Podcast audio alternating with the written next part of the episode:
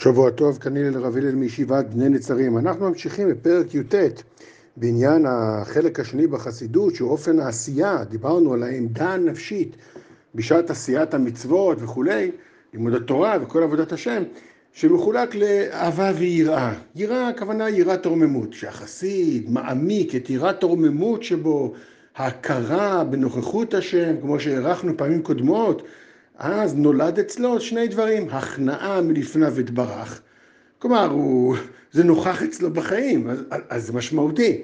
ודבר שני זה הבושת, בגלל שהוא רואה פתאום כמה הוא רחוק מבכלל להיות, ב, ב, איך נקרא לזה, ב, ב, זה לא כוחות, בכלל לא, כמה שהוא לא יתאמץ, בכלל לא משתווה בכלל לפעול, ל, לרצון האלוקי ולמטרות האלוקיות וכולי. הדבר השלישי שאומר המסעד שרים הוא שנולד אצלו כבוד, לכבד, כבוד להשם.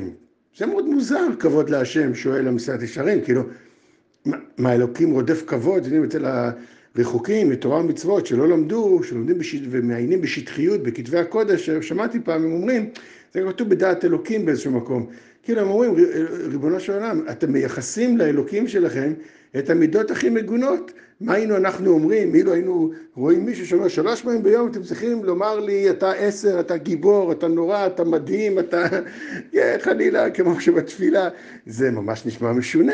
לא רק זה אומר המסילת ישרים, אלא פרק שאנחנו אומרים בליל שבת, מזמור לדוד, כן אומרים את זה, כן, מזמור לדוד בשיר של קרליבך, אז, אז, אז, אז, אז זה מלא ב"הבו להשם כבוד" ועוז, כל השם בכוח, כל השם בהדר, ולא רק זה, אלא כתוב, אל הכבוד יראים, אל הכבוד, זה ביטוי, הסתכלתי במפרשים, קשה מאוד להבין, מה זה אל הכבוד? הבו לשם כבוד, אתה יודע שאני יכול להבין, אל הכבוד, כאילו הוא נקרא על שם הכבוד.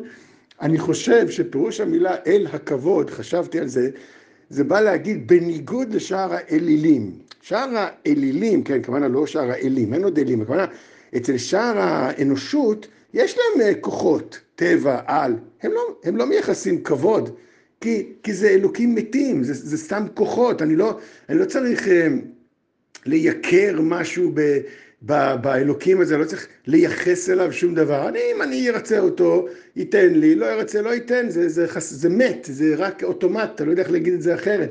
אבל אצלנו כאילו, אל הכבוד, הקדוש ברוך הוא דורש כבוד.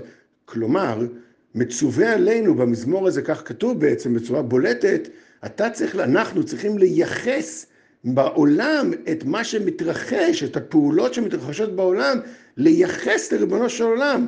בעברית שלנו, לתת לו כבוד. אבל לא כי הוא צריך את הכבוד, הקדוש ברוך הוא כמובן לא צריך כבוד. אנחנו צריכים את הכבוד.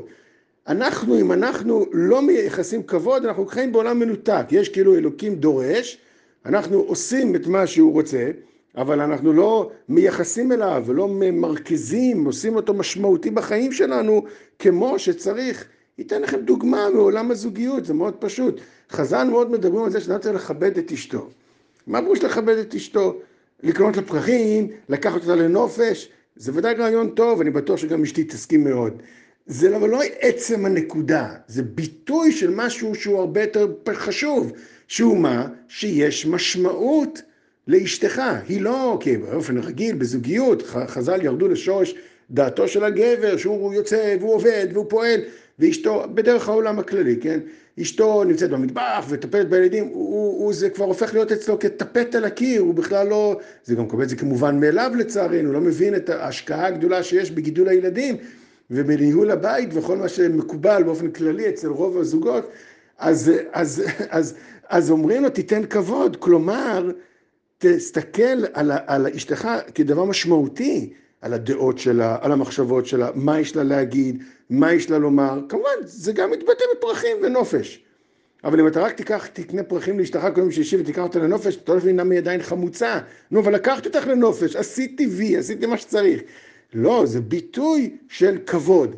אז פה לגבי, כמובן, אשתך, היא צריכה את הכבוד, כן, חלילה, אצל ריבונו של עולם הוא לא צריך את הכבוד, אבל במשל ונמשל זה אותו דבר. אנחנו צריכים לכבד את בורא עולם, כלומר אנחנו צריכים, כדי שאנחנו, החיים שלנו, לא יהיו מנותקים ויבשים.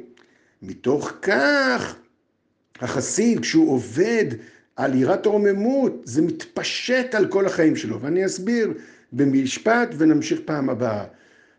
המצוות אצל מי שלא חסיד, הוא יודע שיש אלוקים, הוא יודע שצריך לעשות מצוות, אחרת אוי ואבוי ייענש, כן, בוודאי אם זה יראת העונש. אז הוא עושה מצוות, ובזה הוא סיים את תפקידו. אבל החיים שלו מנותקים מהמצוות. אז אולי בשעת המצווה הוא מכבד, כאילו, כי הוא עושה את המצווה. אבל, אבל יש לו, הוא חי בשתי מסלולים. החסיד, מרוב היראת רוממות שמתפתחת בו, המעשה המצוות, הוא לא נשאר רק בתחום המצוות, אלא זה מתפשט על כל החיים שלו. כל החיים שלו הופכים להיות מצווה. זה מה שהכבוד פועל, את זה ועוד נראה בעזרת השם בפעם הבאה. כל טוב ושבוע טוב.